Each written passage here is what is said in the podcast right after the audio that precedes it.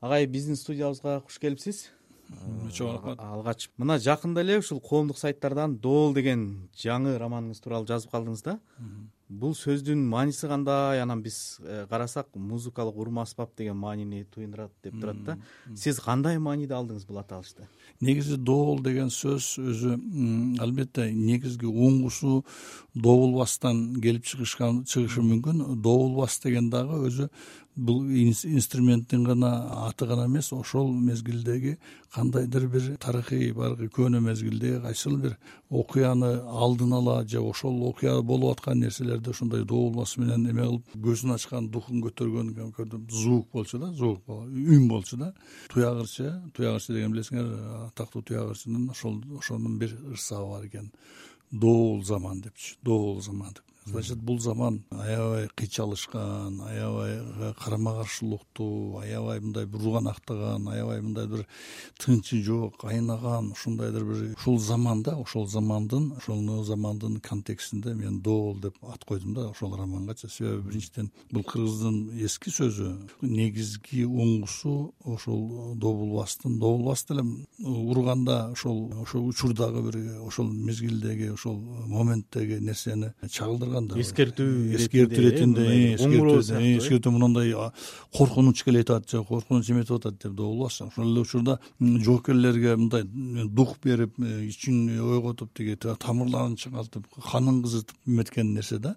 Акыркы топон романыңызда дагы азыркы доордогу жасалма интеллект ал жерде баалуулуктардын өзгөрүп атканы деп ошол темаларга кайрылып атпайсызбы? Мына кыргызстан эгемендиктин отуз жылдыгын белгилөөнүн алдында турабыз да бул жылдар ичинде ошол сиздин романыңызда айтылгандай эле өтө көп окуялар анан дүйнө абдан бат өзгөрүп кетти да. Ооба анан отуз жылга сересеп салганда азыркы кыргызстандын абалын сиз сиздин бааңыз кандай азыркы кыргызстандын абалына? Эми отуз жылдык э, бул э, албетте эгемендүү демократиялуу мындай бир институционалдык жактан аябай чыңалган мамлекет түзүүнүн түзүүгө бир отуз жылдык аз аз болот да аз. Бирок мунун баардыгын э, ал азыркы болуп аткан нерсе бул табигый процесс да табигый алгоритм. Мындан өтүшүбүз керек. Биз мындан чып этип эле секирип өтө албайбыз. Бир жерден экинчи жерге секиргенде анда таптакыр баягы эле аң сезим менен каласың бирок аң сезим баягы эми инновациялык дүйнөдө жашаганың менен бирок ошого шайкеш келбейсиң. Биз э, баардык нерсени басыш керек. Азыркы мынабул парламенттик маданият башка саясат анын мунун баардыгы бул. Өтмө мезгилдин мындайдыр бир. Биз ошого кетип баратабыз да өзүнчө калыптанууга өзүнчө очищение болгонго мына баардык эле мамлекеттер идеальный түзүлгөн эмес. Ошол эле сингапур дейбизби америка дейбизби мунун баардыгы бандитский америка деген болот россия орустар деле ошондой. Отуз жыл албетте биз үчүн өтө чоң сыноонун мезгили болду. Эң башкысы биз отуз жылдын ичинде канчалык чарпалдык канчалык толкудук канчалык чайкалдык. Биз эң башкысы биз өзүбүздүн көз карандыкты суверенитетти мамлекеттүүлүктү сактаганга ошол канчалык кыйын болбосун биз ошого аракет кылабыз бул эң эң чоң нерсе. Мына туркияда жүрөсүз. Эл аралык саясатта деги эле ушул түрк дүйнөсүндө кыргызстандын орду кандай? Өз ордун эмне менен бекемдей алат? Түрк дүйнөсүндө кыргызстан өзүнүн экономикасы менен же өзүнүн башка бир Э, жактары менен эмес. Мен айтар элем именно сөз сөз эркиндиги демократиясы менен өзгөчөлөнүп турат.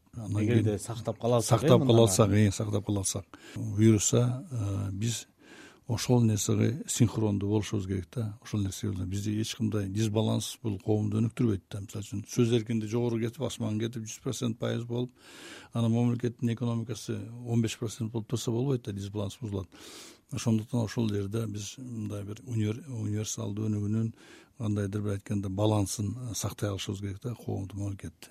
Коомду мамлекетте качан орто класстын бекем катмары түзүлгөндө бул мамлекет өтө туруктуу мамлекет болот да. Ошондуктан ошол нерсеге умтулушубуз керек орто класс деген средний класс деген бул ар бир мамлекеттин мотору болуп да. Бизде ошол база ошол нерсе эми гана эми гана мындай калыптанып келатат орто класста бир гана бул финансылык же экономикалык көз караштан гана эсептелбей бул интеллектуалдык аң сезимдик ички э, потенциал ресурстун ошол ички адамдык ресурстун потенциалынын э, ошол деңгээлге көтөрүлүшү менен аныкталат да.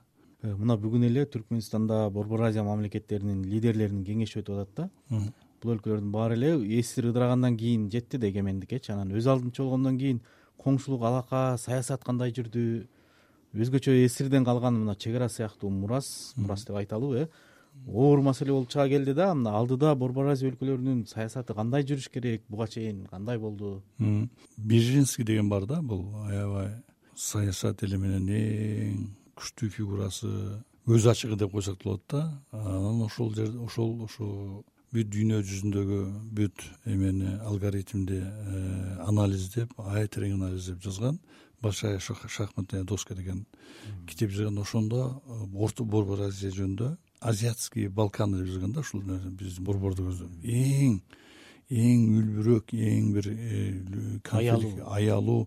бир эле жанагы боосун чечип койсоң чоң өрт болуп кетиши мүмкүн да. Ошол нерсе айткан анан кийин ошондо э, айткан нерсеси эки чоң нерсесин айтып коеюн. Биринчи кезекте качан гана эметип болушу мүмкүн да. Ушундай бул мамлекеттерде чоң бир апаат болуп кетиши мүмкүн. Биринчи кезекте суу ресурсу суу ресурсу.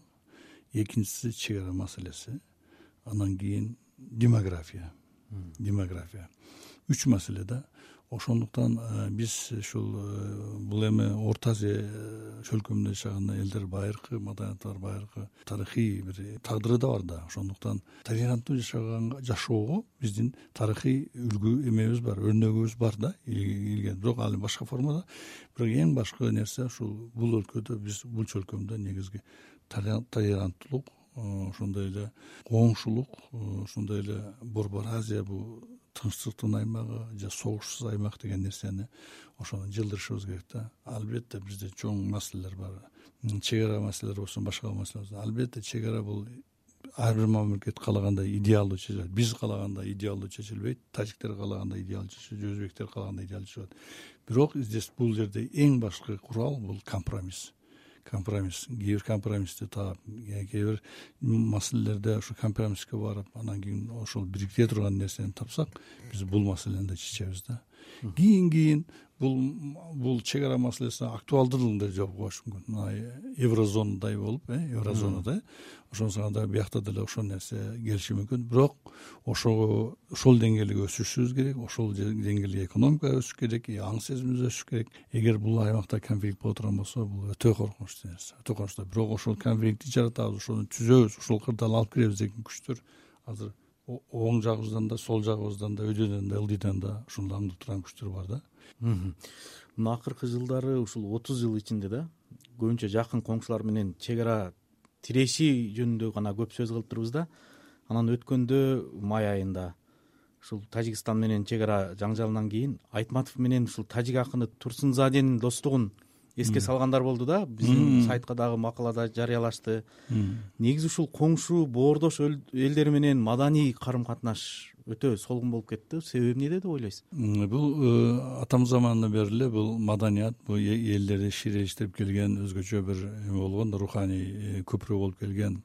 Мына эгемендүүлүктөн кийин баарыбыз эле өзүбүздүн квартирабызда жашап калдык да. Өзүбүздүн маданиятыбыз өзүбүз баардыгы өзүбүздүн казаныбызда кайнап калдык. Ошондуктан биз эгер ушундай бир алдыбызга жакшы максаттарды жакшы тилектерди койгон болсок сөзсүз түрдө биринчи кезекте биз маданиятты алдыга коюшубуз керек да. Маданият аркылуу биригүүгө маданият аркылуу ынтымакка маданият аркылуу тынчтыкка биз умтулушубуз керек. Интеллектуалдык чөйрөнү же жазуучулардын эмес ошо личностдук мындай элдик дипломатияны өнүктүрүү дагы ошого өзөк түзүү ошого шарт түзүү дагы мамлекеттер арасындагы чоң эме кылат.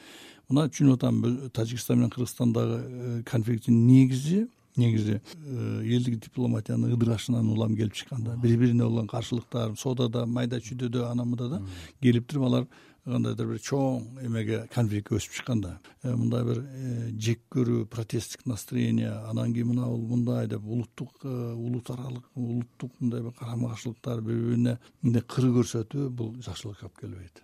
Бизде мындайча айтканда бул чөлкөмдө согушту башташ оңой бир акмактын эле колунан келиши мүмкүн а бирок тынчтыкты орнотуу эч кимдин колунан келбей кала турган мезгилде болуп калышы мүмкүн да. Ошондуктан биз азыр пока мына бул э, рөф болуп атпайбы мындай тынчтык эметип атат биз ошону ойлонушубуз керек терең. Биз дагы алар дагы да. Демек маданий алакалар чын эле токтоп калган токтоп калган мына мисалы үчүн аракет барбы мына токсон токсонунчу жылдардан бери мына мен мен деле маданият министри болуп иштедим го э. э биз э, кытай менен э, сауд арабиясы россия алыскы мамлекеттер менен маданият күндөрүн өткөрүп аябай кылдык бирок коңшуларыбыз менен өткөрүп өзбекстан менен билесиңер мына жанагы бизге белгилүү мезгилдерде бир дагы карым катнаш болбой калды да. Эмесе бир тууганыбыздай э туурабы. Мына казактар менен деле казактар менен деле болсо бир жылына бир э, мына эмнеге э, бизге тоскоолдук болот да туурабы. Э, тажикстан менен башка менен маданият күндөрдү маданият алмашууларды маданий жактан жакындашуу бул мамлекеттин жакындашууна алып келет да. Биз ошону билишибиз керек. Эч качан биз курал жарак менен жакындаша албайбыз. Бири бирибизге кыр көрсөтүү менен жакындаша албайбыз. Кандайдыр конфликттик кырдаал түзүү менен жакындаша албайбыз.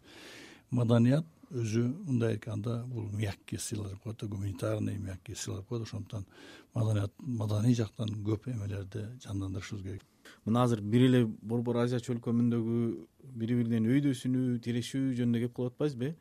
Азыр негизи эле булар бизден эмес деп бири биринен өйдөсүнгөн коомдо деле мына кыргыз коомунда деле ажырым күчөдү да. Диний жагынан алабызбы баардык жагынанчы. Дүйнөнүн өзүндө деле жана оңчулдар деп чыга калып атат бул эмнеден кабар берет мына ушул техника дүркүрөп өнүгүп жатканы менен адамдын аң сезими баалуулуктарга мамиле мындай кескин өзгөргөнүн байкап атабыз да азыр. Эми азыр ушу дүйнөдө ушундай процесс жүрүп атат да. Албетте бул э, бул процесс э, прогрессивдүү процесс эмес. Э, бул дүйнөнү бүлүндүрө турган дүйнөнү жокко чыгара турган процесс деп айтар элем да. Бул эч качан анын жаратмандык духу жок да ошондуктан мына азыр болуп атпайбы европада деле башка жерлерде анан кийин бизде да болуп атат. Э, көз караштардын дагы ишенимдердин дагы анан кийин эң башкысы жанагы конфликт цивилизация конфликт культур конфликт вера деп коет го. Орустар ишеним деп коет. Ошол нерсе болуп атат да. Ошол нерсе как саясат катары кайсы бир эмелердин эмеси менен улам улам ушундай жандандырып ошол нерсеге алып баратат бизди мына кыргызстанды эле айта турган болсок мына албетте кыргызстан өзү мындай бөлүнүүгө өтө ыңгайланышкан өзгөчө бир биздин сапатыбыз бар да бир жагыбыз бар да бөлүнө кала турганчы. Бир эми географиялык бөлүнүү гана эмес э, саясий жактан дагы көз караш жагынан дагы ишеним жагынан дагы бөлүнүү. Бул бул биздин мамлекетибизди чыккан мамлекетибизди ыдыроого алып келип калышы мүмкүн да. Мына өзүңөр көрүп атасыздар акыркы кездерде э, диний э, агымдардын ар кандай эмеси болуп калды. Э, кыргызстан ушул ар кандай агымдардын полигону болуп калды. Анан ар кандай көз караштардын полигону болуп калды. Мен айтам мамлекет үчүн саясий оппозиция коркунучтуу эмес. Бул именно саясат ишеним конфликти ошо ишенимдердин конфликти өтө коркунучтуу саясатчы өзүнүн саясий көз карашы үчүн барышы мүмкүн. А ишенимге берилген адам эмеге барышы мүмкүн. Өлүмдөн да коркпогон нерсе да өзүнүн ишеними үчүн радикалдуу радикалдуу нерсеге барышы мүмкүн анан кийин ошол нерсе э, өтө э, мындай опурталдуу да чындыгын айтканда азыр биздин бутубуздун алдында ошол процесстердин баардыгы кыйнап атат да кыйнап атат. Ошондуктан биз азыр мындай кылып атсак мына коомдогу светтик көз караш диний көз караштардын да кагылыштары болуп атпайбы мына көрүп атасыз тиги э, социалдык түйүндөрдө көз караштердин кагылышы явно мындай ачыктан ачык эле көрүнүп атпайбы. Бир нерсени жазсаңыз светтик бир нерсени жазсаңыз берки эмелердин тепкисинде каласыз э. А тигилердикин тигилер жазса светтик көз караштардын тепкисинде калат да. Азыр уже э, виртуальный көз караштардын карама каршылыгы бар бизде. Виртуальный. Анан ошол нерсе реалдуу карама каршылыкка өсүп чыкпаш керек да өсүп чыкпаш керек. Бирок ошол ушул виртуалдык нерсе дагы бизди ойлонтуш керек.